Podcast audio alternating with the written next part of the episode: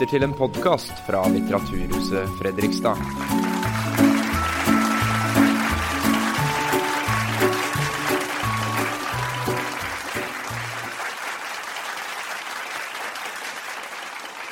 Ja, velkommen. Eh, Vi er vant til at eh, litteraturkritikk kan være litt sånn kontroversielt. da. Det er veldig uvant å bedrive kritikk med sånne he- politihelikoptre hengende over bygningen. for Vi får likevel håpe at det er eh, udramatisk der borte, så kan vi lage litt dramatikk her.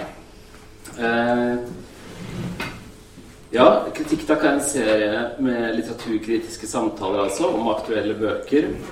Hvor vi inviterer eh, det vi kan kalle profesjonelle lesere. Og vi gjør det ut fra en tro på at enhver bok som utgis, egentlig er en invitasjon eh, til samtale. Og at kritikken, sånn vi finner den i aviser og i tidsskrifter eller på radio eller sågar i bokform, utgjør en vesentlig del av denne samtalen. Så dette er tredje arrangement i serien. Og jeg er veldig glad for å ha fått med to gode kritikerkolleger denne gangen. Som altså er Marta Norheim, som i tillegg til å være kritiker i P2 også har skrevet flere bøker om eh, litteratur. Og Alf Kjetil Valgmo er også forfatter og kulturredaktør i tillegg til å være eh, kritiker. Vi har tre bøker på programmet. Eh, Det er Karl Ove Knausgårds 'Om høsten'. Den første i en ny serie fra Knausgård.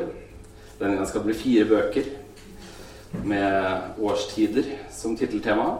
Og så har vi Elizabeth Strout, Olive Kitteridge, en, eh, som, en roman som kom i 2008, men som er helt nyoversatt til, eh, til norsk. Og eh, sakprosainnslaget. Det har vi hver gang. Et sakprosainnslag. Det er eh, en stor og påkosta bok om hellbillies, så her har jeg lært mye jeg ikke visste fra før. Av eh, Aftenposten-journalisten Cecilie Asker og fotografen Trygve Inderli. Eh, det er ingen grunn til ikke gå rett på sak, tenker jeg. Ehm, og saken er Knausgård. Så har du lyst til å åpne med noen ord om hva slags bok vi har foran oss her? Absolutt. Det er vel eh, kanskje ikke nødvendig å presentere forfatteren mye nærmere. Eh, men etter da det store, det store Min Kamp-verket og eh, essaysamlinga 'Sjelens Amerika', så har nå Knausgård begynt på et nytt eh, prosjekt. Ikke like omfattende, men likevel nokså omfattende. Fire bøker er planlagt, som Bernhard sa her. Dette er den første, om høsten. Eh, sjangeren her er vel eh, kanskje kortprosa, hvis vi skal eh, type bestemme det. Det er mange korte tekster der Knausgård tar for seg ulike tema. Alt fra eple og kveps til kirke og piss og tyggegummi og smerte og telefoner og oppkast. Eh, Så han er innom ganske masse forskjellig. Og en sammenbindende tanke her er at eh, dette er Knausgård som skal eh, beskrive verden for sitt ufødte barn. Han skal få ei datter som skal hete Anne. Og Knausgård vil da beskrive verden for, for din datter. Så er jo spørsmålet om dette er et godt sammenbindende grep. Og også hvorvidt eh, Knausgård klarer å skrive interessant i disse korte tekstene. Og det skal vi jo snakke mer om etter hvert. Helt kort om Ja. Eh, Jeg husker at eh, om den amerikanske romanforfatteren John Updike eh, så var det en kritiker som skrev at mannen har aldri hatt en upublisert tanke. Eh, det, var ment, det var ment som en eh, helt tydelig fornærmelse. Men beskrivelsen ligger nær her, da. Eh, tenker jeg. Har eh, Knausgård en upublisert tanke? For det, dette er jo noe vi har sett uh, før. Altså I uh, romanene hans i essaysamlingen. Hele tiden så spinner han ut i ulike typer refleksjoner om det han ser. Um, hvordan skiller dette seg fra Min kamp, f.eks.? I Min kamp så, så fletter han inn veldig mange esaistiske partier i, i en fortellende eh, romanform. Eh, og og også Min kamp, noe av det som gjør at han har blitt så stor in- internasjonalt òg, er jo hans evne til å skildre detaljer med hverdagslige situasjoner, gi dem nytt liv, i en ekstrem eh, gjenkjennelighet. Eh, det som jeg syns med denne boka her, er at han i litt for stor grad eh, avslører sin egen metode. Som er å, å, gå inn i en sånn karakteristisk detalj og, og filosofere rundt den, legge den ut. Her er det nokså gjennomført med 60 forskjellige tema. Eh, der han framstår eh, dels litt kvasifilosofisk, eh, dels eh, med veldig nytt blikk på ting. Det, det er veldig mye glede, undring, i boka. Eh, jeg er sjøl nokså fersk far, så eh, jeg forstår mye av liksom, den entusiasmen hans.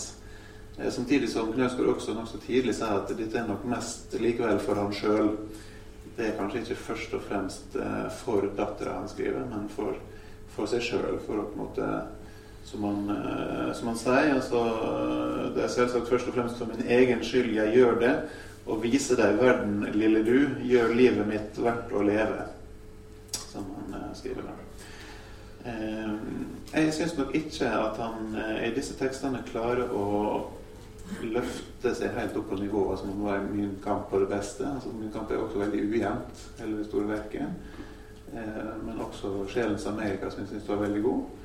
Og det, for meg så eh, handler det kanskje litt om at eh, at det er så tydelig den måte, metodikken hans. da. Den småfilosoferinga rundt utvalgte emner. Noe gir mer verdi, noe er litt mer ordinært. Så av og til blir det litt kjedelig, syns jeg. Eh, Martha, Dag Solstad har sagt at han drømmer om å skrive en roman om lykken, for det er det vanskeligste man kan gjøre som forfatter. Eh, og ingen som har lest Min kamp, mistenker Knausgård for å prøve å skrive en roman om lykken. da. Men når man leser en bok her, så kan man nesten få inntrykk av at han har skrevet en bok som på en eller annen måte Den er i hvert fall utrolig mye lysere. da. Ja. Den er prega av en form for optimisme. Ja, og, og, det viser jo kanskje òg noe av problemet med å skrive om lykken. For det er jo eh, klart ei svakere bok enn eh, en Min kamp. Eh, og eh, Dag Solstad har jo ennå ikke skrevet den romanen om lykken. Eh, vi får jo se eh, hva som kan eh, komme. Eh, men jeg tenker nok litt som av Kjetil her, at det er Og jeg vil gå litt videre og si at det, av og til så er det akkurat som han prøver å finne på. Og, og, og riktignok sier Knausgård at det oppdikta har ingen verdi. men liksom det er forskjell på, på det å skrive om noe som en liksom virkelig er ekstremt opptatt av, og da bare finne på noe. Og noen av disse tekstene tenker jeg dette har du bare funnet på. Litt mer likegyldig. Ja, litt mer likegyldig. Og så tenker jeg det er jo òg noe med det, det emosjonelle trykket som er i min kamp. Altså, det er min kamp. Altså. Og det er en kamp på liv og død, og det er en kamp med far, og det er en kamp med, med seg sjøl. Og det er også en kamp med og mot familien. ikke sant? Med alle de der pølsemiddagene og barnehagene og babysangen og, og alt, alle bursdagene og alt det som skal til for å liksom få familien til å gå, og som stjeler tida ifra han, den store forfatteren som bare har lyst til å sitte ved PC-en døgnet rundt og skape stor kunst. Ikke sant? Så han sitter i det der familieburet og bare hater det. Eh, og så eh, og så kjemper han seg til eh, tid til å skrive. Så det emosjonelle trykket er så enormt. Eh, mens her eh, er han en forsont mann som går rundt i sin fars støvler og graver i jorda og sier sånn 'lille du' allerede der begynner jeg å bli litt sånn på alerten. Litt på grensen uh, uttrykk. Jeg får litt følelsen at den kampen har ført en situasjon der han har én skrivekveld per tekst. Og han må på en måte, ja. han har et tema, og han må lage den teksten. Eh, det var, jeg vet ikke hvor lang tid han har brukt denne gangen, men det, av og til får jeg litt den følelsen. Og han uh, refererer ofte til hvordan han sitter og ser tilbake på huset og de som springer rundt der, men han må liksom bli mm. komme seg gjennom uh, sitt emne. Før han kan komme hjem til kvelds. Ja, da, men altså, Deadline er jo en fantastisk inspirasjonskilde. Vi vet jo det, vi som blir i pressen. så en skal ikke kimse av, kimse av deadlinens press. Men du må ha noe å skrive om også. Og det er eh, det han sliter litt med her. Eh, og eh, jeg vil si også om deg at noen av tekstene klarer han å, å liksom vri til noe, og andre av tekstene der klarer han det ikke. Og så blir det bare en sånn liten petit, altså sånn eh, som ikke er til noe. Eller det blir sånne luftige spekulasjoner. For, for eksempel så har han en utrolig svak tekst om van Gogh som jo eh, en kunne tenke seg at eh, han ville skrive noe veldig fint om. Van Gogh har også et uh, følelsesliv, eller hadde, um, som ikke var helt liksom, ivaretatt alltid. Og uh, Knausgård er ofte flink å snakke om uh, kunst, bildekunst. Han er jo òg kunsthistoriker, eller han har studert kunsthistorie. Eh, så jeg kunne tenke at liksom der Men der har han kommet litt seint i gang på kvelden, tror jeg. Så, så han har liksom eh, gått opp i det der det er litt luftige. Og, og i så små tekster Du klarer liksom når det er 1130 sider, så, så klarer du at det er litt luftig innimellom. Men når det er liksom to sider så blir det veldig avslørende at Hvis skal eh, to sider om van Gogh. Det burde være svært uh, fortetta. ja, Da kan ikke det være sånn eh, Da jeg satt og leste dette, okay, jeg, fikk den, liksom, eh, den mest uventa av alle liksom, mangelerklæringer i hodet. Da. At Knausgård er altfor lite selvbiografisk.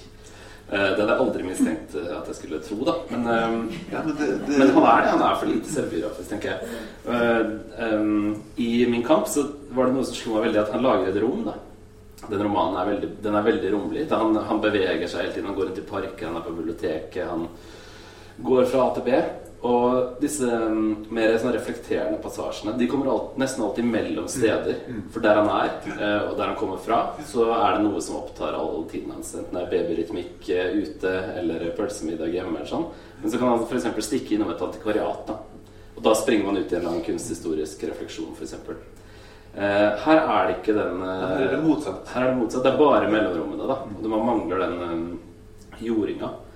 Eh, men jeg må også si at jeg, jeg tror jeg liker denne boka bedre enn det dere gjør. Altså, det, er det som var sånn befriende med Denne leste jeg den, den dagen jeg fikk den i posten. Egentlig liksom ikke som ren forberedelse til dette, da. Var ren lyst. Eh, og jeg leste den i en sitting. liksom. Jeg satte meg ned og leste den ut. Eh, Jeg synes det var et utrolig sånn flott sted å være, da, denne, denne tekstmassen. Og det tror jeg skyldes at noe av det jeg likte best ved Min kamp, og noe av det jeg liker best ved Knausgård uh, som forfatter, er at han er forelska i virkeligheten. Det, han, det har han vært hele tiden. Han, er, han, er sånn, han nærer en sånn dyp forelskelse for virkeligheten. Alle små ting, må- måten han har beskrevet på beskrevet natur, beskrevet mennesker på fra sin eh, første bok, har slått meg som at han er en sånn, eh, veldig sånn entusiastisk materialist. At han elsker ting. da. Og her, her syns jeg han, han eh, Med alle de selvfølgelig ulemper det har å overgi seg fullt ut til forelskelse, da, så tenker jeg at det er det han har gjort. da. Han har liksom bare dyrka den forelskelsen. Men det er en tvetydighet i den forelskelsen hans i, eh, i uh, materien. Uh, fordi at han er jo en romantiker. Uh, og, og tar jo ofte utgangspunkt i det helt konkrete for å liksom sprenge seg ut av det og snakke om det som ikke lar seg vege og måle, som nettopp handler om kjensler, som handler om det vakre, som, som handler om det, det som du ikke kan gripe med de målbare eller måleinstrumentene. Så, så jeg tenker at han, eh, han har den dobbeltheten, og, og, da har han for så vidt også her. da. Men det er tingenes mirakel. da. Det er ikke et mirakel et annet sted. Det, er, det, er liksom, det mirakuløse er at verden fins. Ikke at, eh, ikke, han, han, han sier ikke at eh, altså han, han, be, han beveger seg litt over tingene, men ikke så langt over tingene heller. da. Det er en sånn øh, virkelig sug etter å benevne, benevne og, og se hele verden. Altså, jeg vet ikke om dere har lest den diktsamlinga til, til Terje Dragseth som kom i år. 'Jeg skriver språket'. Den har noe av det samme liksom suget etter å på en måte pakke ut og se hele verden på nytt. da. En slags øh, gedigen skapelsesberetning på et vis. Det som jeg, jeg synes i denne her, Når jeg snakker om, om det esaistiske og selvbiografiske, så enkelte plasser der han går mot det selvbiografiske, så begynner det virkelig å, å brenne litt igjen. F.eks. når han forteller om seg sjøl som sengeveter som 15-åring og tisser seg ut på klassetur eh, et par meter fra jenta han er forelska i. Da begynner det virkelig å brenne igjen. Så, så her er virkelig han satsa. Men det, jeg lurer også litt på den den ramma som man måte skriver her, om den funker så veldig godt. Eh, For det virker som den er litt tredd ned på eh, et sett med dels, til dels gode tekster, noen ikke fullt så gode tekster. Og så kommer denne ramma med brev til eh, barn og sånn, blir litt tredd ut, ut, utenpå. da. En kritiker hadde en veldig god på, på, på sånn kort, bare for å si hvordan teksten er formet, hadde en veldig god påpekning. At, altså, det, de, det er tre som det, altså, Dette skal jo dekke et år, da. Så er, denne boka er altså delt i tre. Altså tre måneder. Eh, og det er de som innledes da med brev til en ufødt datter. Og de er henvendt til den ufødte datteren. da. Men de øvrige tekstene er ikke det. Altså når, han, han, når han snakker om resten av barna sine, så sier han 'mine barn, ikke dine søsken'. Mm. Uh, det er ingen annen henvendelse. Så det er helt enig i at det, det virker som det er en sånn kunstig grep her. Da, for det er egentlig, et, egentlig et, en måte liksom, å koble oss veldig direkte på de her betraktningene og, og henvende det til en ufødt datter. Men tekstene er ikke henvendt. Nei, men du vet altså, når, når en tekst handler om moralsex, så er ikke det direkte naturlig å, å, å henvende seg til et eh, barn eller daguerotypier eller eh, van Gogh. Sånn at han, han, eh, han bruker jo denne dattera som et påskudd eh, for å skrive om disse tingene. Og jeg tenker eh, Ideen er jo sannsynligvis ikke at eh, alle, alle nyfødte barn trenger en manual, eh, for det trenger jo ikke nyfødte barn. Men, eh, men ideen er nok heller dette som du var inne på, at, at jeg må nullstille meg og prøve å se verden på nytt. Sånn som du skal komme til verden og, og se tingene for aller første gang. Eh, og, og det er for så vidt et veldig sympatisk eh, prosjekt. da. Men, eh, men jeg syns at eh, dette, dette sjølbiografiske, der det pipler fram, så, så hilser det velkommen. Han har jo òg noen ting om far. F.eks. da at han går rundt i sin fars støvler, men ikke jakke.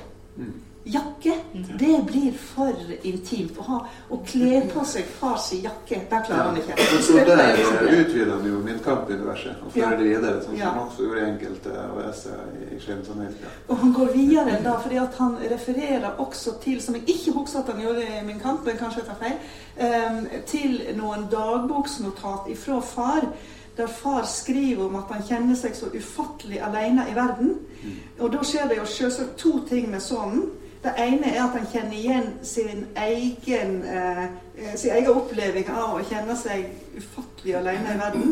Og det andre er at han føler nesten en slags sympati for far. Eh, og det er jo veldig sterkt for de som har lest Min kamp, der det er liksom den store motoren er dette det ekstremt intense hat-kjærleik-forholdet som han hadde til far sin. Da.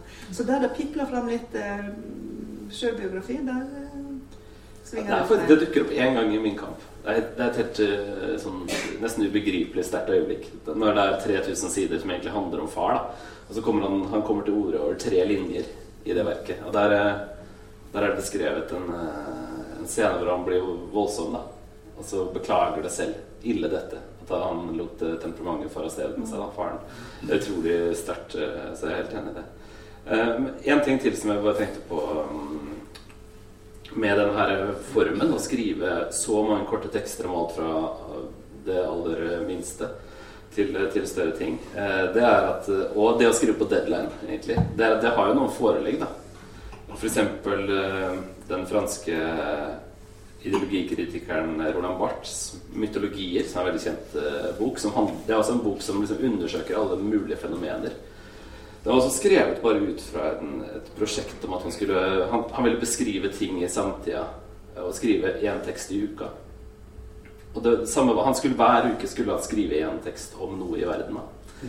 Og den andre, den andre parallellen jeg tenkte på underveis, var eh, den forrige, forrige lederen av Svenske Akademien som deler ut Nobelprisen, Peter Englund, som vi snakka om på hit, eh, som har eh, prøvd seg på en form som heter mikrohistorie. Hvor, eh, hvor han har skrevet eh, en masse essays f.eks. om tannbørsten. og Så, videre. så det, er jo noe, det, er, det finnes noen andre så det er, det, Dette er to helt forskjellige. Englund er historiker. Roland Barth han er sosiolog, så han undersøker på en måte det sosiologiske knytta til f.eks. den nye Citroën-modellen eller whatnot. da.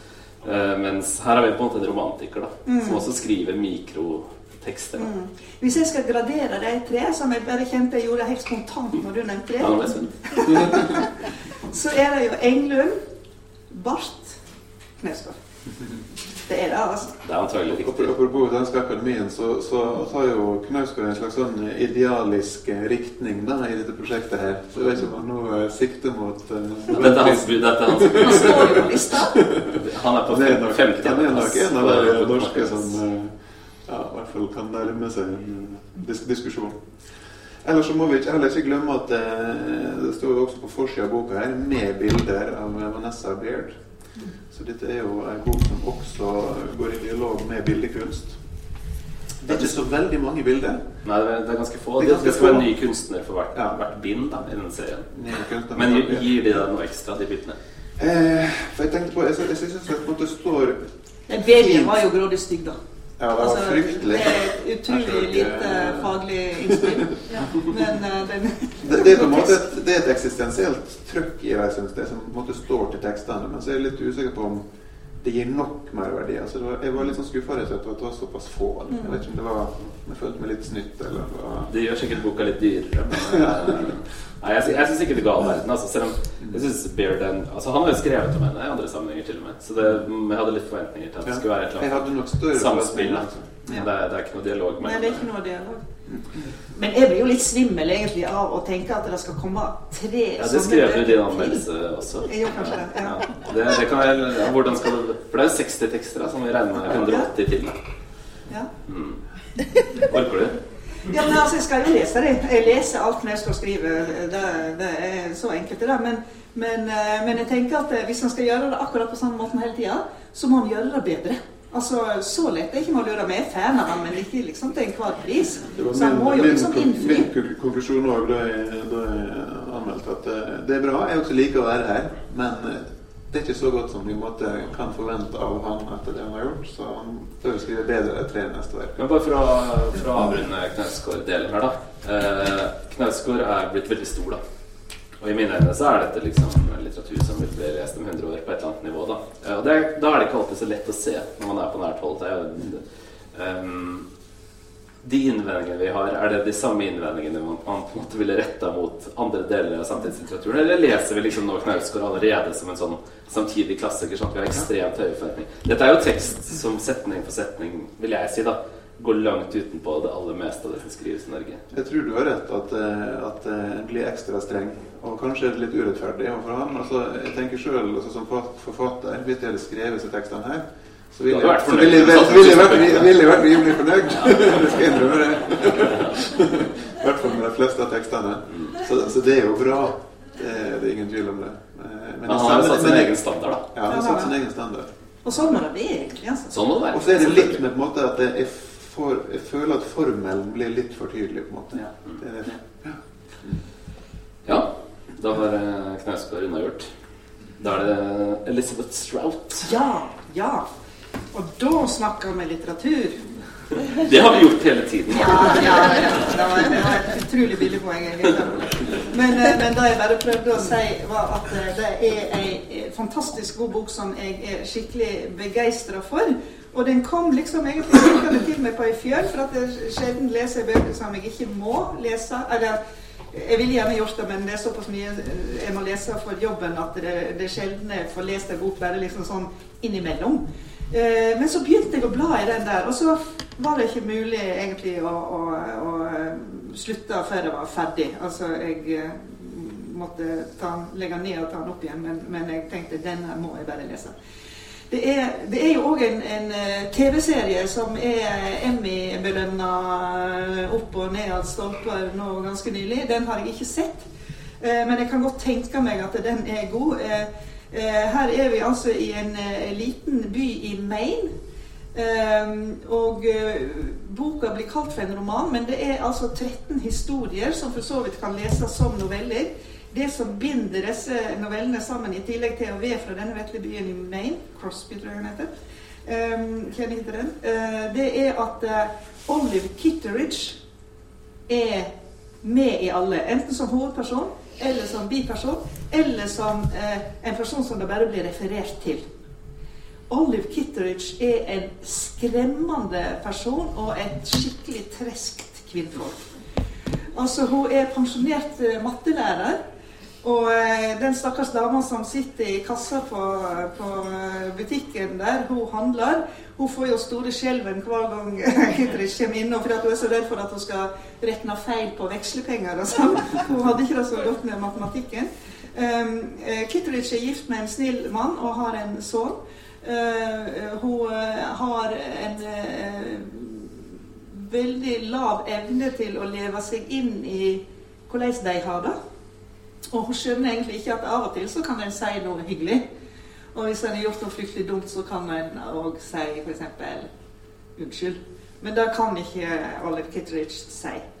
Eh, hun har en altså, Så skulle jeg jo nesten ha sagt eh, men det viser seg at hun er god på godt bunn. Men det er jeg ikke sikker på om hun er egentlig. altså.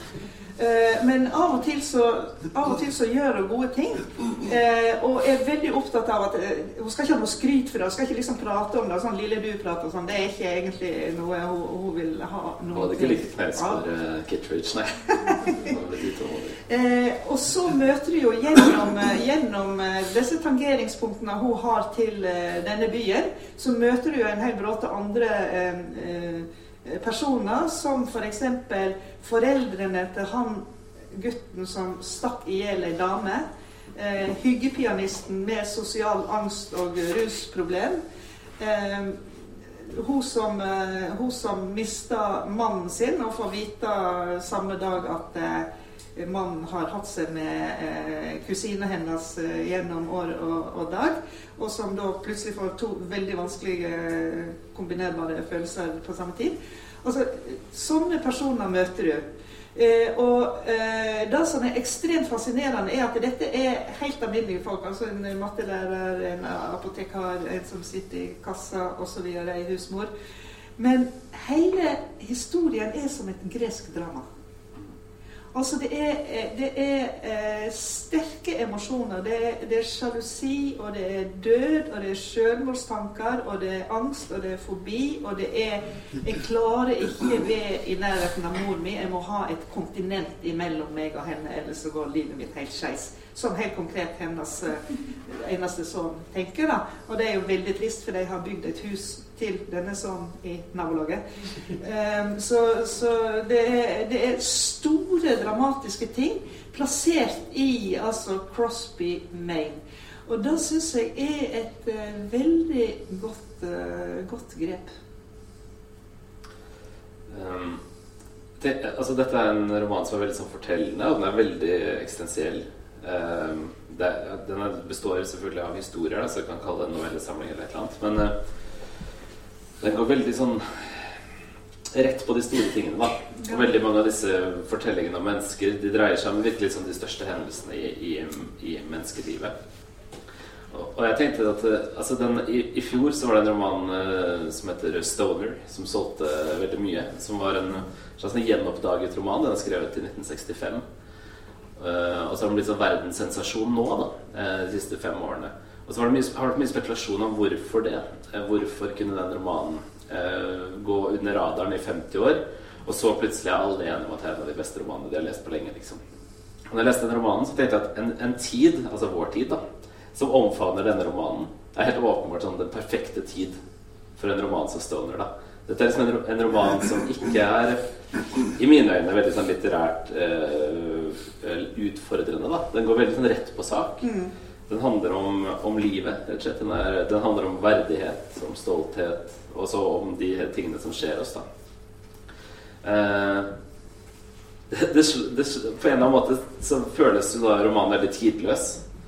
Men så tror jeg også, da, eh, og jeg vet ikke om eh, dere er uenige, men at det er egentlig en roman som funker veldig bra nå. da.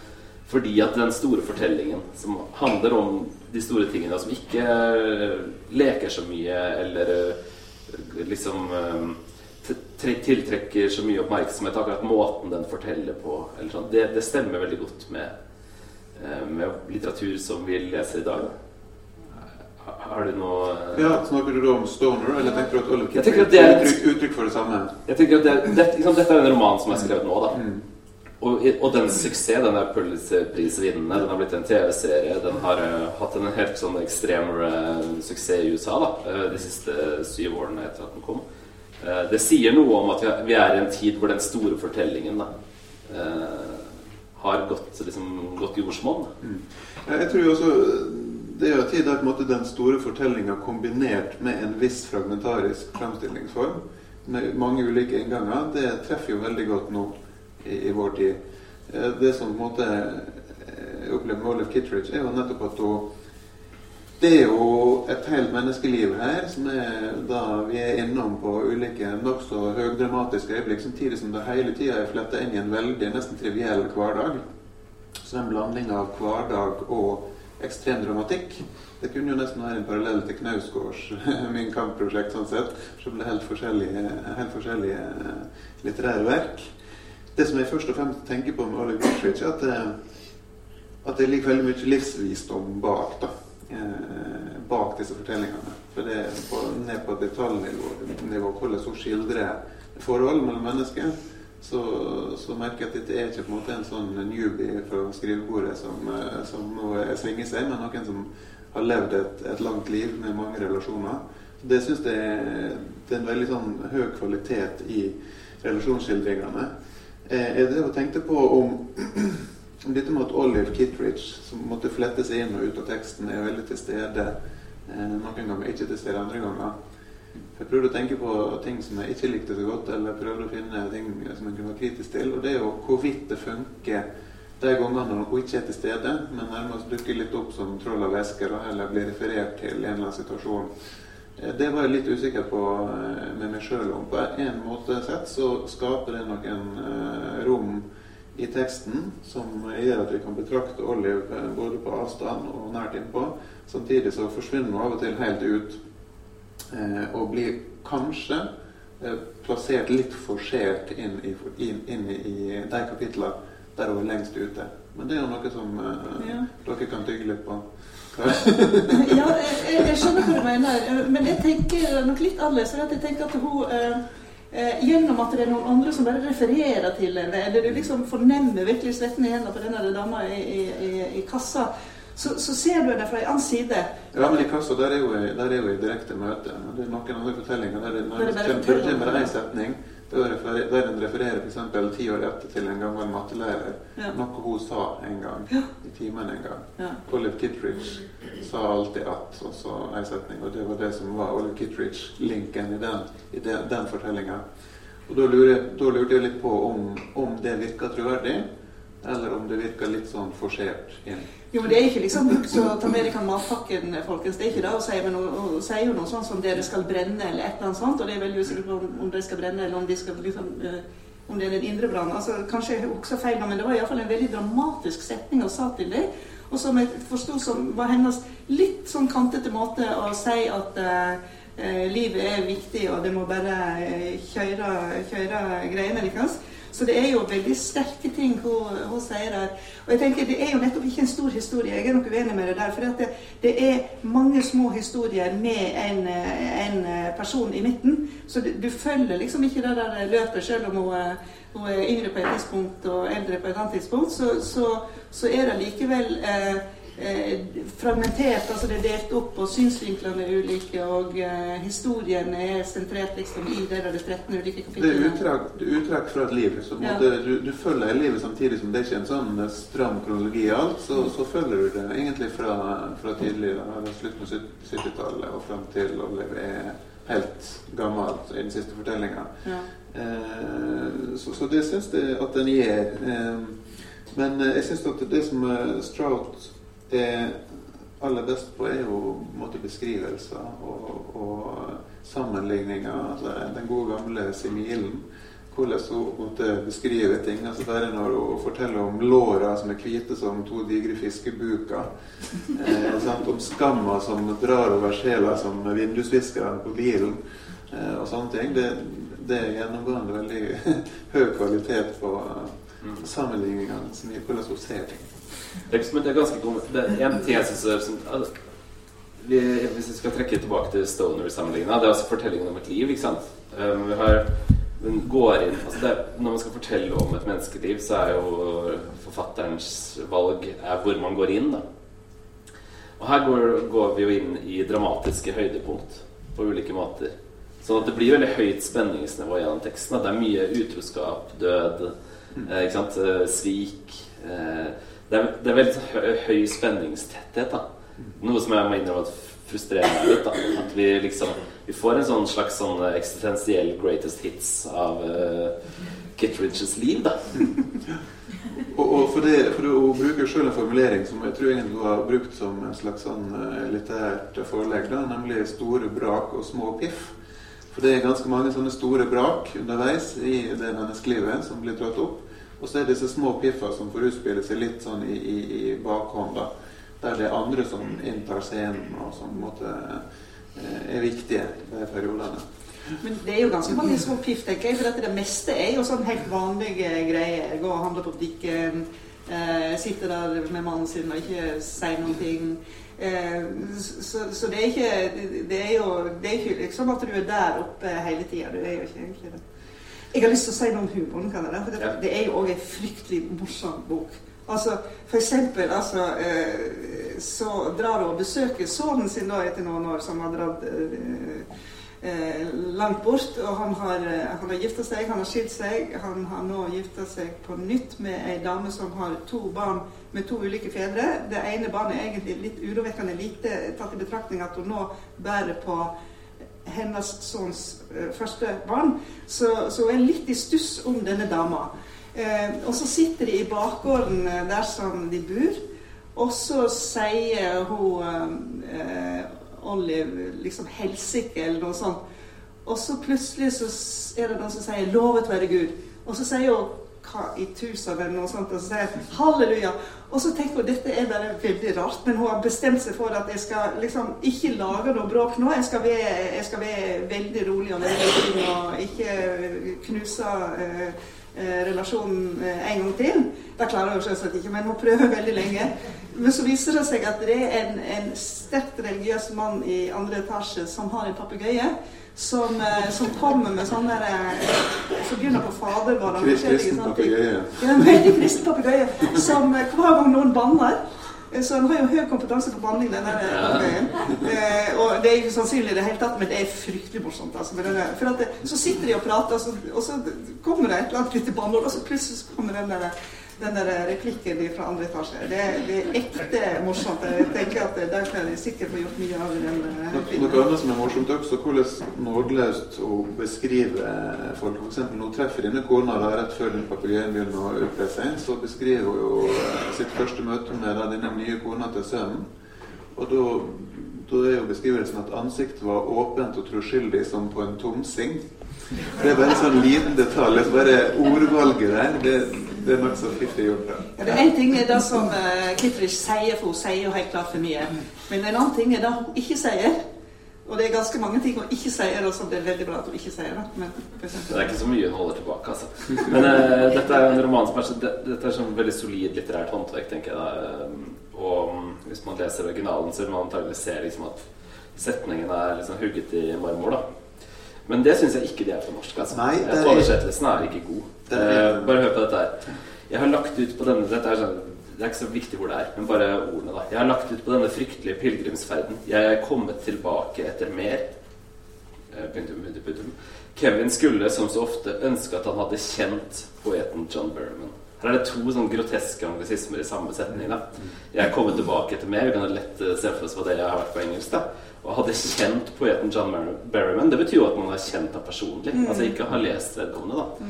Det syns jeg er eh, stadig i denne boken. Så jeg, jeg fikk ikke den store liksom, estetiske nytelsen av språket. Så det hakker som bare det. da. Det tenkte jeg jo når jeg leste den, for jeg leste den nå på norsk. Og så tenkte jeg at oi, dette her eh, dette jeg står nok mye bedre på engelsk. Og så bare sånn, Når hun f.eks. en plass, unnskyld språket, da, men skriver 'dratt, dratt, dratt til helvete', så funker det nokså dårlig på norsk, men veldig bra hvis det er 'gang, gang'. For å snakke om sønnen og mannen som har forlatt henne.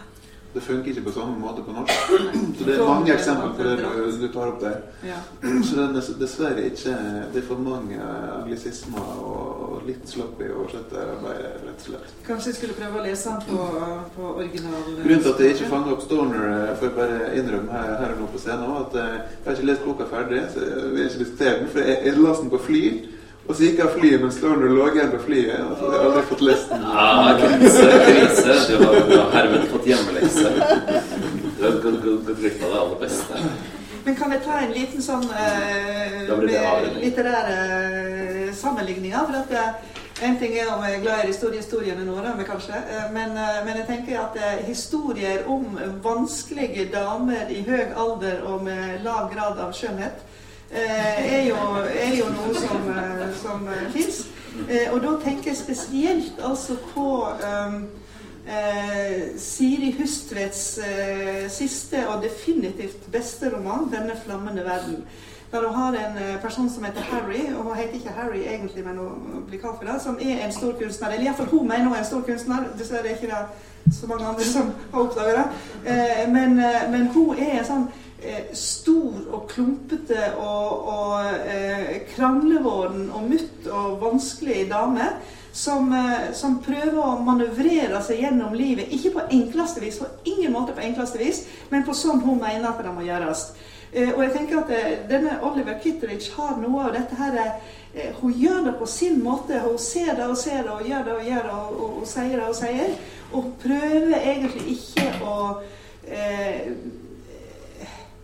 ved til, eh, ved til glede for andre. Og da tenker jeg kanskje det er et større brudd med den amerikanske kvinnerollen enn med den norske. for Ikke at vi er noen eh, nødvendigvis eh, onde figurer, men, men, jeg tror at den, den norske kvinnerollen har liksom et litt sånn bredere spekter. Mens jeg tror at den amerikanske kvinnerollen har noe, noe mer press på seg for å for å være høflig, vennlig, glatte over at, at, det ligger noen sånne ting i bunnen av den Og ikke minst på, på en måte, litt ut på altså Dette er jo en småby, ja. sant, og også litt tilbake i tid starter vi. Ja. Så det er klart at på type, altså litt bygdestrøk i USA på 1980, tidlig 1980-tall, da var det en helt annen jeg kan ikke dy meg for å skyte inn vi må runde denne delen. Um, hvis noen har lest Lars Ramslis seneste roman, vel har undertittelen 'Mors bok', der er det jo tilsvarende sånn overstyrende aldrende Nei, hun er ikke så aldrende, men hun er i hvert fall veldig overstyrende. Og har den samme sånn fullstendig misforståtte begrepet om omsorg. da. Og så er det en dansk forfatter som heter Vibeke Grønfeldt, som skrev fire romaner om en kvinne som heter Agathe Holm. Hvis dere har lest den. Det er også litt det samme. Hun, hun også vender tilbake til sånne ordtak og vendinger og mantraer hele tiden, f.eks. Har jo sånn ekstremt sånn egenrådig blikk. Eh, og Det er altså Tore romaner jeg liker veldig godt. Mm. Men for å, for, å utfordre det på tampen, da, Bernhard. Eh, det høres ut som du er litt sånn eh, Hva, hva syns du egentlig om Oliver Nei, eh, jeg syns det, jeg syns det mangler noe, altså. Eh, um, hun er gift med en apoteker, så først så tenker jeg at dette er sånn der moderne Madame Bovary, da, altså Flaubert. Uh, og så kommer det en annen roman inn i hodet mitt. Jeg, klarer ikke Når jeg leser bøker, så kommer det bare 10 000 andre bøker inn i hodet mitt hele tiden. Så det det, det er min sykdom, da. Uh, at uh, korrigeringer Altså Jonathan Fransons berømte roman for, fra 15 år siden, som også er et sånn briljant bilde av et aldrende ektepar, og all deres uuttalte for jævlig hemmende grusomme ting, da. men korrigeringer som jeg likte veldig godt, som er klart best av Fransons romaner, den har en sånn sosial overbygning. Uh, den har liksom et, et, en himmel over, da, som jeg opplevde som større. Uh, det, er det, er ikke en egentlig naturlig sammenligning, men, men, det går mye tid her. Og vi er en del av USA som er en ekstrem forandring. Uh, vi, det eneste lille vi ser til det, det er sånn at mannens apotek blir tatt over av, en kjede, liksom. Jeg syns ver verden er veldig lite til stede. Den påvirker Oliver Kittridge i ekstremt liten grad. Mm. Jeg syns nok at dette, dette, er nok litt sånn eh, ja, det, det, Jeg kjenner sånn 70-tallsånd om at det er liksom borgerlig, da. Selv 9-11 hun har gjort bare ca. ei side. Ja, det, det, er ingenting, det er ingenting som Og det er klart, det hadde ikke trengt å Hun er sikkert en person for, for hvem dette ikke betyr så mye, da. Mm. Men det betyr også veldig lite i fortellingen. Man får veldig liten følelse av samtid eller eh, omgivelser. Det er nok mer et kvinneportrett. og jeg har hørt, eller Hun sa i et intervju at uh, hun hadde hørt, forfatteren, at uh, kvinner lagde sånne grupper der de møttes for å ta ut Olive Kitteridge i seg. og det syns jeg var morsomt. Ja, ja, nå skal vi ta ut Hellbillies i oss. Det kan, det kan jo ikke gå bra. Okay, det er min, min, oppgave å introdusere denne boka. Um, og det er, det, det er veldig underlig lesning for meg, da, for jeg har uh, kanskje hørt tre sanger av Hellbillies. Uh, og det viser seg da ganske raskt at jeg neppe er i målgruppa, for det er en slags fanbok. da. Uh, men jeg er veldig interessert i musikkjournalistikk, og gjerne i, i bokform. Så uh, som liksom litterært verk så, så mener jeg at det likevel burde være i målgruppa. da. Det er altså Aftenpostens journalist Cecilie Asker som har uh, gått tett på Hellbillies liksom da, i anledning deres 25-årsjubileum som, som band. Og hun har um, satt seg for å skrive hele historien. da. Uh, til eh, dette, denne merkelige gruppa med menn som veldig, har et veldig aldersspenn, merkelig aldersspenn til å være et band. Det er veldig sjeldent. De er egentlig en bedrift. Eh, Det er også egentlig sjeldent. Men det er selvfølgelig et band som har vært på scenen lenge. da. Så det blir en slags butikk. Så det er nesten en slags bedriftshistorie også, eh, dette her, syns jeg. Eh, den er veldig intervjutung, og, og, og så er det selvfølgelig mange fotografier, men det er jo også naturlig i en sånn sammenheng. Da. Så boka er veldig kjapt lest. Eh, det er et par timers lesning på 300 sider. Eh, og den har egentlig bare ett problem. En, altså en, en ja, en problemstilling, da. Det er Hellbillies kamp for å slutte å være danseband. Og bli da et band som også ungdommen kan like, da. Eh, og det går jo bra, i hvert fall i denne boka. Um, og jeg, jeg klarer ikke liksom dy meg for å komme med litt vurdering allerede her. Da, for det, altså, hvis vi skal tro denne boka, så har 25 år og liksom tusenvis av konserter Det har ikke avstedkommet én eneste god anekdote. Ikke én liksom, levende fy- fyllehistorie fra bygda. Så det må ha vært et utrolig kjedelig turnéliv, da. Um, det handler mest om sånne revisorer og innsiden av busser. Eh, og så er det um, en haug med sånne eh, sitat det, vi- det vi i avisene kaller sitatbomber. Altså sånne små sitater som antagelig journalisten har plukka opp i løpet av dette halvåret på turné med Hellbillies. Nå har jeg bladd opp en tilfeldig side. Der sitatet er eh, Hellbillies spiller gladmusikk. Det får meg alltid i godt humør. Kvinnelig publikummer øyste seg. Really? Um, og um, ja. Låtene deres kan få selv barske menn til å bli sentimentale. Mannlig publikummer, Langesund. Og det tenker jeg dette gjenspeiler mer eller mindre perfekt refleksjonsnivå i denne boka. da. Og så bedre blir det av at jeg har, jeg har bare lest gjennom den, så jeg har ikke liksom korrekturlest den. Men to steder fant jeg at det samme sitatet opptrer to ganger. De skriver sanger om ting som faktisk skjer i livene våre. Eh, Mannlig publikum i Sandefjord. Det står både på side 139 og på side 57. da. Men det er begge plasser er det mannlige publikum. Ja, det er, det er heldigvis kreditert til samme person, Ja, da, så i hvert fall det, det, vi får, kan i hvert fall ane at det er ekte sitater. da. Og så i innledningen eh, Skal vi se her Ja, i innledningen så aner man ugler i mosen, da. Her står det at Hellbillies har et drøss, en, et drøss av hederspriser i beltespennen. Det er et veldig merkelig sted å ha øh, hederspriser. Man kan kanskje ha det i beltet, men i beltespennene er det dårlig plass. da. Og litt lenger nede så står det at øh, backstage-kjøleskapet ikke er velfylt, men velutstyrt. Eh, og det vet jeg ikke om det er det, Har de isbitmaskin, eller hva Altså, det, dette er eh, det, veldig, det, altså det, det finnes noen gode musikkjournalistiske bøker på norsk. Eh, dette syns jeg var et eh, eh, makkverk, da. Eh, og det og så Hvordan Valgte vi ut den boka, egentlig? for det, er jo interessant. Ikke sant? Det er jo, det er jo en, vi hadde jo ikke lest den, og den ehm, eh, det, er, det kunne vært en interessant historie. Det er en type musikk som, som Det kommer fram i denne boka, da, at har mye større eh, aksept nå enn det hadde for 25 år siden. Når Stein Torleif Bjella og Tønes og alle har gjort liksom den typen sånn eh, bygdemusikk med musikalske ambisjoner veldig stueren, på en måte, da, og umiddelbart akseptabelt, så har disse liksom kjempa kampen, da. Eh, og det andre er, tenker jeg, at, at det er interessant eh, med den typen sånn eh, musikkjournalistiske forsøk da, på å beskrive noe over tid. Sånn som Håvard Rems bok om svartmetall syns jeg var veldig god. Så det finnes jo det, det, Dette måtte ikke bli dårlig, da. Det Nei, bare ble det det. ikke bli uh, Eh, så for meg så er dette liksom Jeg liker ikke A-magasin i det hele tatt. Og dette er 250 sider lang A-magasinartikkel. Da hadde vi akkurat samme punchline. eh, En lang reportasje i A-magasinet på Ja, stedet. Jævlig lang eh, reportasje i A-magasinet, da. Men, uh, men det er mange bilder, da, så det går fort å lese det. Um, så, og det, det hagler av korrekturfeil og alt mulig. Så det er utgitt på respektable Cappelen Dam.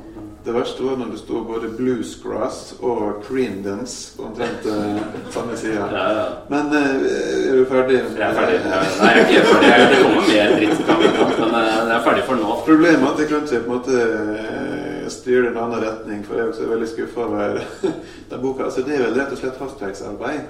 Det er vel det som på en måte er gjennomgående. Og hvis, og prøv, hvis man skal prøve å se på noe som man overordna feil, eller hva man skal si, da, så, så er det nettopp det som du var litt inne på, at her er det, det er veldig sitattungt. Altså, hun har på en måte ikke evne å fortelle å ha en visjon og fortelle en historie om Ben Hellbillies.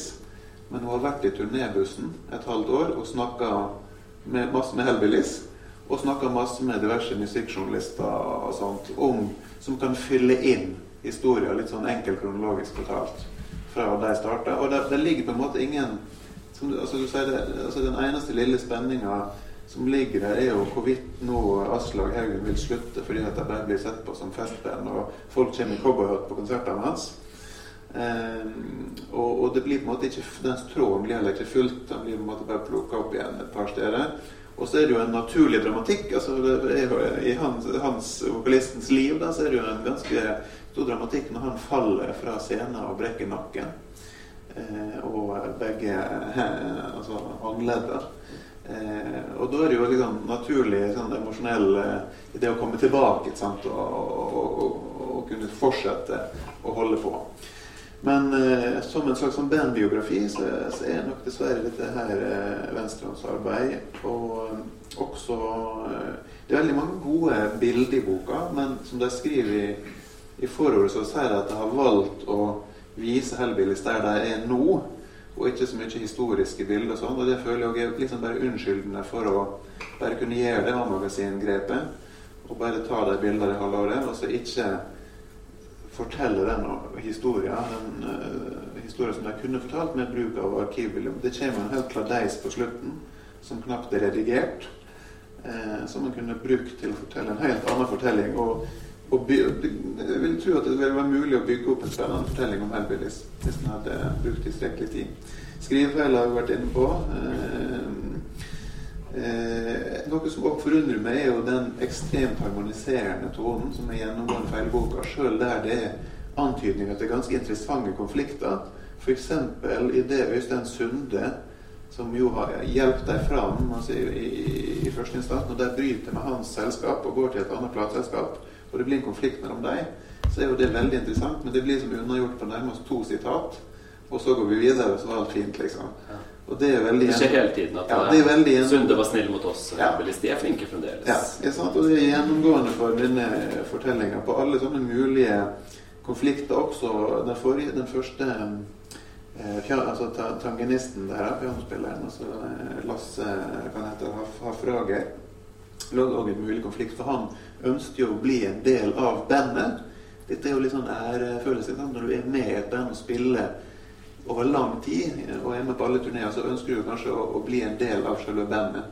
Men der nekter han det. Men det blir heller ikke behandla. Det er bare to sitat, og så går vi videre. Det, det, er så overraskende, på en måte. Altså, der du har litt sånn interessant konfliktmateriale å gå litt inn i, så, så er det bare å feire unna og gå videre. Så skuffa. Ja. Har du funnet noe, noe positivt å si om denne kiloen med bok? Nei, lite. Uh, men jeg, jeg, er jo fan av Hellbillies. Altså, jeg har fulgt Hellbillies i 25 år. Jeg lurte på om jeg skulle ta med platesamlingen, bare for å liksom eh, dokumentere at jeg ikke sitter her og uh, lyver på meg noe. Så jeg er veldig glad i Hellbillies. Um, jeg skal ikke synge det her nå, men jeg kan en del av tekstene. Men er du like glad i det nå, når du har lest den utrolig Nei, men altså, tenk, Cecilie Asker har ikke knekt Hellbillies-koden. Hellbillies-koden, Eh, eh, fordi at Hun har åpenbart sittet i bussen, og de har tenkt ja, ja, den dama vil lage ei bok, ok, det er greit for oss, men hold, hold nå kjeft. For Jeg tror ikke hun har hatt samtaler med Hellbillies. Jeg tror Hellbillies har gjort som, eh, som eh, mange andre ville gjort når det kom noen sånne inn i bilen. Vi sier ingenting til henne. Altså, Vi har ikke sagt noe. Hun har virkelig ikke, og, og hun har nettopp ikke de gode historiene. Selvsagt finnes det gode historier. Men hun har ikke knekt koden, hun har ikke kommet inn på det. Og derfor som hun har alle disse intervjuene med alle mulige andre folk. Og så blir det som du sier, en bedriftshistorie med liksom revisoren og, og, hit og dit, og så dro de dit, og så dro de en annen plass etterpå. Som jo er grunnleggende sett uinteressant. Eh, fordi at hun er på en måte Altså de, Det fins jo gråsett Nå er jeg litt i tvil om jeg skal si det jeg skal si, men jeg gjør det. Eh, at du, du kan gå veldig sånn tett innpå noe eller du kan zoome sånn ekstremt ut, eller du kan holde det midt imellom. Og, og da f.eks. Knausgård gjør, er at han går liksom tett tett innpå noe, og så vops ut. Men han er nesten aldri på det der midt imellom. Midt imellom det er liksom det som svenskene kaller for tråkprosa. ikke sant? Som er liksom, du er liksom halvveis nær, men du er ikke nær nok. Og du er halvveis fjern, men du er ikke fjern nok. Og på det der litt sånn triste nivået jeg mener, Å sammenligne med A-magasinet er iallfall A-magasinet, Altså, for der er det veldig gode Men hun jobber der, da, så det kan vi gjøre. jo, jo, ok, ok. Men, men, men hun er liksom midt imellom. Eh, og da får du Du får ikke vite liksom, Har de et privatliv? Har de koner? Har de barn? Har de foreldre? Har de noen interesser? Driver de med noe annet enn musikk? Er de noen mennesker? Det får vi ikke vite. Vi får vite om et samlivsbrudd. Og så tenker vi ok, det er ei dame her, for jeg nå bryter han med henne. Men, men det er liksom det du får vite om en av de da. Han begynte å drikke så tungt etterpå, så det må liksom inn, for han klarte ikke å gjøre det han skulle. Eh, eh, sånn at du, du, du kommer liksom ikke tett nok på dem til at de blir mennesker. Og så kommer du heller ikke langt nok ifra sånn at du ser det. For eksempel, du kunne lagt deg inn i en sånn dialektrock-greie ikke sant, som begynte på 70-tallet, som var dundra godt. Så midt i så kommer Hellbillies, og så kommer disse andre seinere. Og hvor hen plasserer det seg i, i forhold til eh, liksom Vømmøl og, og, og, og alle disse greiene som skjedde på 70-tallet? Og hvordan forholder det seg til de nye som kommer nå? Det er heller ikke greia. Sånn at eh, det er rett og slett eh, et eh, skikkelig godt band som ikke har giddet eller ikke har klart å kommunisere med denne dama. Og hun har tenkt ja, men jeg har jo lova å lage ei bok, så jeg får nå lage ei bok. Og så snakker hun om alle de andre, og så blir det sånn eh, Jeg tror ei bok som egentlig ikke er for noen. Kanskje Det er veldig trist å si dette, eh, egentlig. Altså, apropos, nå skal ikke jeg som kulturredaktør i Vårt Land nødvendigvis etterlyse de gode fyllehistoriene, men selv der det var en mulighet i boka, da, for det er jo et, et veldig sånn fylleslag i Praha som på en måte blir eh, skissert, da, men heller ikke der får jo vite noe om hva var som skjedde i Praha. Så det ja. Nei, Det jeg er liksom de vi var dritings, ikke sant? Ja, det er that's it, da. Ja, jeg ble, jeg ble liksom gu, googla for å sjekke om de folka er mennesker. da. Har de et liv, liksom? Så ja, det det bilde av liksom, eksempel en kone eller et eller annet. da. Men det må man ut av boka for å finne. da. Eh, Jeg mener at den boka er så dårlig da, at eh, vi må rett og slett ikke snakke for mye om den. Den Er er helt- det? den er det er det. er er- er motsatt- er helt motsatt av den litt sånn eh, hva skal jeg si, klisjéfylte oppsummeringen eller konklusjonen i boka, nemlig at Hellbillies se kvalitet i alle ledd, uten å se seg tilbake. Hva du tenker den sier? Det, eh, altså, det, her, det, det er så drøyt, altså. Eh, Den slitten her. Det er, det er så tråkig at det ikke er til å. Altså. Men også bra. Men, men hør, det, hør på den konfirmasjonstalen her, Martha. Du må bare Ja, okay. sånn, eh, da. Her står det 'blæ' i margen for meg. Det er jeg som har skrevet det. Eh, I sitt 25. rockeår fremstår de som bedre og mer vitale enn noen gang. Og akkurat det gjør, det til, gjør dem til et band med fremtiden foran seg. Da har du faen ikke sett bandbildet, altså. Eh, men dette er historie, da. Det må, men ja. Med mindre dere har noe mer presserende å si, så Nei, nei, nei. Vi ønsker Cecilie Asker god bedring. Og, Ja. og Hellbillies klarer seg. De var, klarer seg. dette var et arbeidsuhell, tror jeg. Jeg har nemlig planlagt et lite bonusmord noen minutter på slutten her. Mm, for i morgen er jo den store, den, den store dagen for hele mm, litteraturverden, må man kunne si. Eh, Da kommer mm, eh, for første gang en kvinne ut av en stor, stor tredør i eh, Stockholm. Og skal eh, bekjentgjøre hvem som har vunnet eh, årets eh, nobelpris i litteratur. Og siden det, vi liksom lever av å gjette på ting, eh, så mener jeg at vi må liksom avslutte her med litt eh, kort eh, gjettekonkurranse. Og hvem Sara Danius, altså den første kvinnelige stendige sekretæren av Svenske Akademien, eh, annonserer som vinner av Nobelprisen i morgen. Mar ja.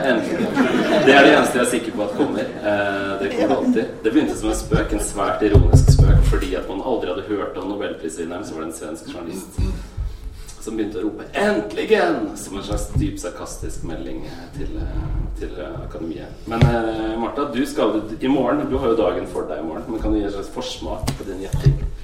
Ja, først så må jeg jo gripe fatt i det der, eh, som du sa med liksom, eh, å være ironisk over at en ikke har hørt om forfatteren før. Altså, sånne ironier skjønner jeg ikke. Altså, Hvis det kommer noen og sier dette er verdenslitteratur, og så har ikke du hørt om det, så kan du enten tenke å, ja, men ok, ja, men da må jeg jo lære noe nytt, og sånn og sånn. Eller du kan tenke sånn «Hm, Jeg har ikke hørt om det, nei. Vi er kritikere, så vi lander jo alltid i siste leir. Men du, du vil ha et eh, navn, eller hva vil du? Jeg vil helst ha bare ett. Ja. Hvis du klarer ett, så er jeg strålende fornøyd. Jeg, jeg, jeg må innom fem før jeg kommer til den. Ok, ja, men da gidder ikke jeg å bare Men du kan få tre, da. Ja, nei, altså jeg tenker Det hadde vært veldig morsomt om det hadde kommet sakprosa. Eh, og jeg er litt skuffa over han eh, Peter Englund, den glimrende eh, tidligere eh, sekretær og eh, essayist som jeg var så vidt innom i stad, at han ikke har klart å få til noe sakprosa i løpet av sine år som sekretær. Eh, og da tenker jeg på en helt spesifikk, og det er Svetlana Aleksevitsj, som er hviterusser. Som bl.a. har skrevet den boka som heter 'Krigen av intet menneskelig ansikt'. Der hun intervjua eh, mange kvinner som var med i eller berørt av eh, andre verdenskrigen. De var med i den røde armé, eller, eller de var berørt av krigen. Eh, og hun lager dette sånne intervjubøker, og der kommer intervjuet til sin rett altså, eh, på en helt eh, fantastisk eh, måte. Hun har også skrevet kister av sink, altså om eh, Afghanistan-krigen og de som kom tilbake igjen i kister av sink. Også der denne intervjuteknikken, som er litterært høgverdig, og som er, om ekstremt vanskelige og sårbare ting i, eh, i uh, historien. Uh, så hun, hvis hun hadde fått prisen, så hadde jeg blitt veldig, veldig glad. så tenker jeg også Jeg syns jo at Svenske Akademien er veldig provinsielle.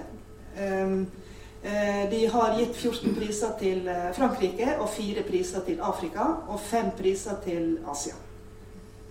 Eh, og så gode er de ikke i Frankrike.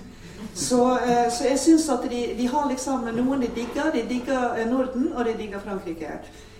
og jeg skulle ønske de hadde ekspandert utover det mer, mye mer enn det de gjør. Og da f.eks. Nurudin Farah eller Ngugi Wationgo, kenyaner den siste, den eh, første er, er, er somalier. Um, ja, det var tre jeg fikk. Ja, der, da har du fått uh, dine Ja. Eh, da var det jeg håpa. Det var ikke gjetting, ja. men da var det jeg håpa. Ja, ja det, var, det, det, er egentlig en viktig distinksjon. Jeg håper jo litt på en lyriker. da. Adonis, eh, mm. kanskje. Eh, det kunne Han har vært Odds favoritt i 15 år. Ja, han har det. Og, og på en måte, hvis han skal få den, så er jo Hvem er han? Syrisk eh, poet. Eh, bosatt i Frankrike, for så vidt i Paris. Så det kan jo være at det kan hjelpe. eh, skriver fantastisk skrift som jeg ikke kan måte fortelle kort om nå.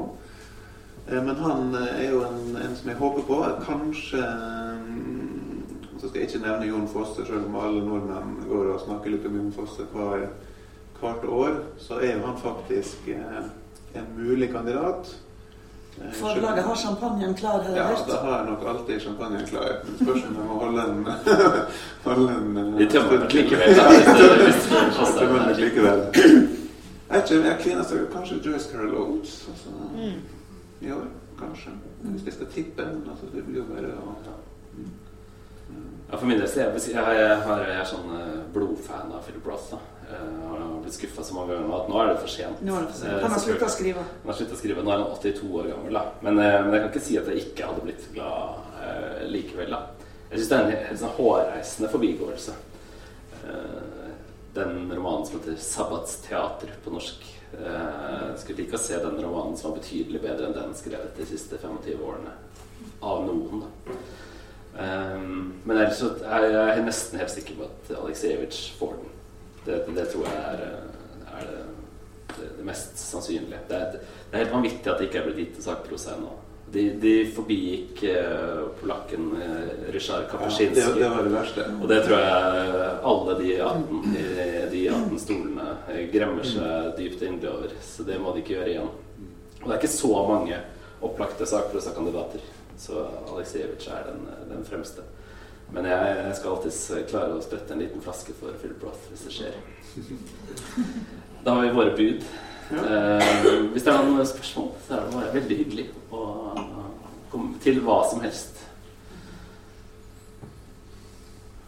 Jeg tenker Det første dere pratet om, Knausgård, og formen på den boka Jeg kom til å tenke på Det er mulig at det er helt på jordet, men altså Johan Borgen og Olf Prøysen også, som skriver på en måte små, små fortellinger, små stubber på en måte som produseres ukentlig, liksom. At det er noe der som gjør at det blir ujevnt, bare på, på grunn av at det, det er den måten å gjøre det på. Det blir som avisskriving, på en måte. Mm. Jeg vet ikke hva dere Jeg tenker at det er kvalitet altså den, det er en parallell, og det kan peke på en kvalitet da, ved den måten å Sånn som, sånn som Prøysen, for eksempel. Da. Og sånne sånn hver uke i 30 år. Jeg får håpe ikke skal gjøre det, da. Men, men når det er sagt, så vet jo jeg, jeg vet ikke noe om, eh, om eh, måte, når han har skrevet sine tekster. Eh, Det kan vi vel ikke stole på uansett om det blir sagt, men, men Nei, men det har jo den ytre, det har den ytre likheten. Den har den absolutt den ytre likheten. Og Mommer Gåsegg også, selvfølgelig. Ja, ja. Bortsett fra at det er mer Det han mer gjør, er at han ser. Mens, eh, mens eh, Prøysen og, og Johan Borgen hadde ofte litt sånn situasjoner eller litt sånn mer, eh, mer fortellende. ja, mer sånn fortellende, eller de opplevde noe som de spinner videre på. og sånn, Men, men Knausgård opplever egentlig veldig lite. Han, han ser. Så det er nok en forskjell. Men ellers så tror jeg det der du var inne på med at, at eh, kvaliteten kan bli ujevn når du, når du liksom produserer litt sånn jevnt og trutt. Jeg tror jeg kan ramme alle de tre på lik måte. ja. Ja, men også at det dukker opp en helt egen verdi ved å lese mange på rappen, f.eks. For, nå ga jo tiden ga ut uh, Prøysens stubber i en sånn murstein i jubileumsåret.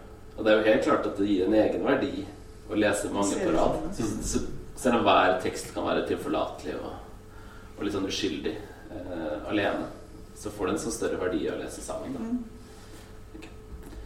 Men eh, Knausgård igjen. Hvordan er Altså Hvis du sammenligner med en del av Thomas Espedals bøker, eh, som òg er eh, kortprosa, noen av de, eh, går det an å eh, sammenligne på et vis, eller si noe om de to opp mot hverandre?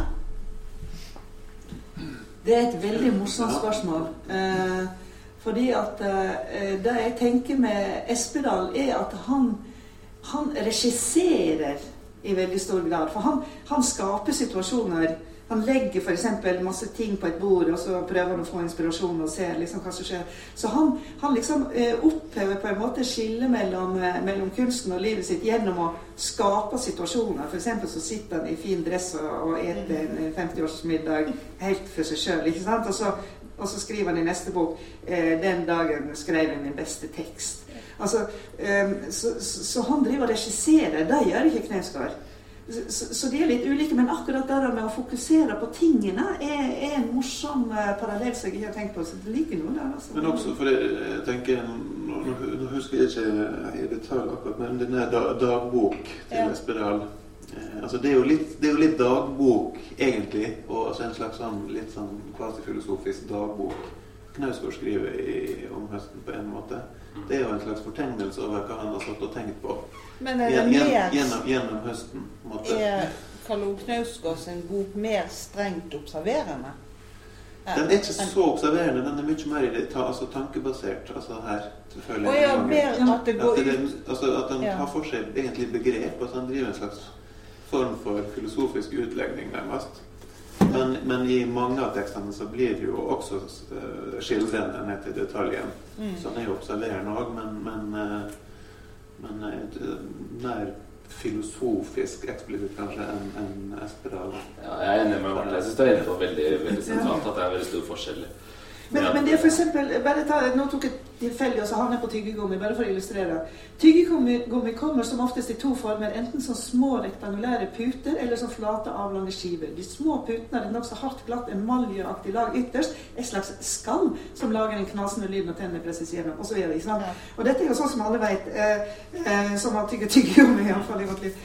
Eh, sånn at han, han går veldig sånn spesifikt inn på tingen.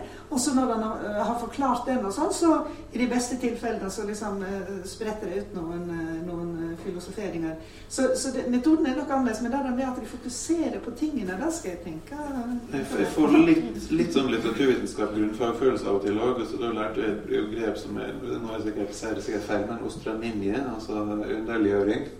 Du tar det russisk? Det Ja, for å imponere. Ja, ja, Jeg tror det er mye, altså. Litt usikker på å uttale det. Ja, det kanskje det russiske. Men eh, det er jo på en måte et, et, et altså nærmest sånn Et grunnleggende begrep i litteraturen. Da. Se noe vant på en ny måte. Det, det gjør det jo. Men jeg er helt enig i at, at eh, Espedal liksom regisserer jo verden der ute. Mens eh, det, altså disse tyggegummigreiene hadde vært alt Det er helt utenkelig, tenker jeg. Men eh, likheten ligger ved at de begge liksom ser på sine nærmeste objekter og sin nærmeste verden, og så prøver å suge mest mulig mening ut av det. Jeg har ikke holdt den i hånden engang, den her eh, Mm. nye. Men det er veldig interessant. Men, uh, men uh, jeg, jeg forstår at det, Tusen takk. Jeg forstår det dere sier. Jeg tror det. At han spretter ut i noe sånn assosiative folk. Mm. Sant? Mm. Ja.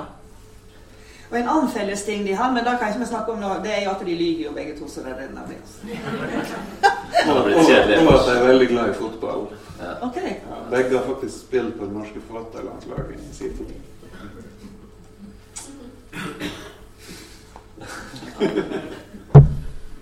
Noe? Er Ja, det er litt sånn alt, ja. Ja, det kan jeg, det kan jeg si, da, siden jeg er på en måte litt sånn eh, programleder. Eh, vi velger jo liksom aktuelle bøker.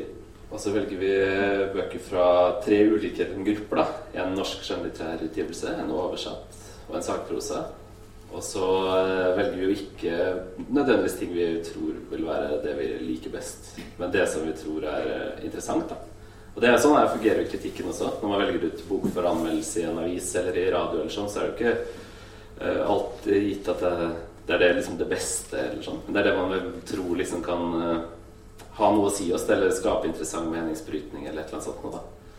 Så eh, at bøker er interessante eller vesentlige, er liksom mye mer spennende da, enn at de på forhånd Det, det tenker vi dette er sinnssykt godt, liksom.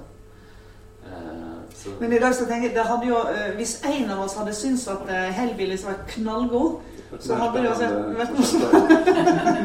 så kanskje en av oss skulle ha spilt den rollen. eh, bare for å liksom fake it. Ja, ja. Men det kan ikke vi. Vi kan ikke gjøre det. Nei. Men jeg har ikke lest det på forhånd før alltid, da, så det kan vi ikke vite. Og denne boka syns jeg den boka for eksempel synes jeg ikke virka uinteressant på forhånd. Men den virka utrolig interessant etterpå. Men det er, det er sånn, sånn, sånn er det når man leser bøker. Generelt. Mm. Og så har en jo litt blikk på at en ikke velger f.eks. bare forfattere av menn, eller altså bare bøker av menn, eller Men det, det er, dette er tredje gang. Det har aldri vært noe problem. Det er, det er ikke heldigvis sånn som man tror. At man, er- det har vært flertall av kvinnelige forfattere. Det er Bra programmert. Ja, altså, litteraturen er ikke så Man, man trenger ikke kvotere når det, det gir seg selv. Andre spørsmål? Jeg bare fikk Kan jeg si det? Jeg fikk en assosiasjon til altså hun Olive Kitteridge. En sånn ekle dame. Hun Jeg tror hun het Dolores Claiborne. Kjenner dere? Ja. I, fra, Er det forfatter eller Nei, det Det er en er romanperson, Det liksom. er en Ja, en romanperson, ja. Ganske ufyselig. Men jeg, jeg kan ikke huske noe mer om det. Jeg tror, jeg tror det er en hund. Men jeg Er jo, kanskje det. Jeg har sett, en, jeg har sett det er filmen jeg har, eh, som jeg ser for meg. Mm. Jeg er dårlig opplest på Stephen King, faktisk. Ja. Det kunne klikka for Ollie Kittredge altså. Stephen King-style. Det er jo litt Stephen King over det innimellom. da.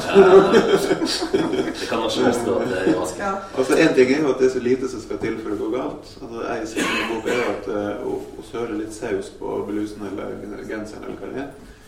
Og så sier ikke sønnen ifra om det. Og når du da oppdager at, at hun har sølt, så får hun totalt sammenbrudd. Eh, fordi at hun føler at ok, de ser henne nå som en tussete gammel dame. Det er ikke nødvendig å si fra om sånt engang. Og så blir det jo full skjæring i, i forholdet mellom dem. Så det er litt skummelt. Vi slutter på full skjæring, tenker jeg. Full skjæring. Tusen takk til Volden og Marta Norheim.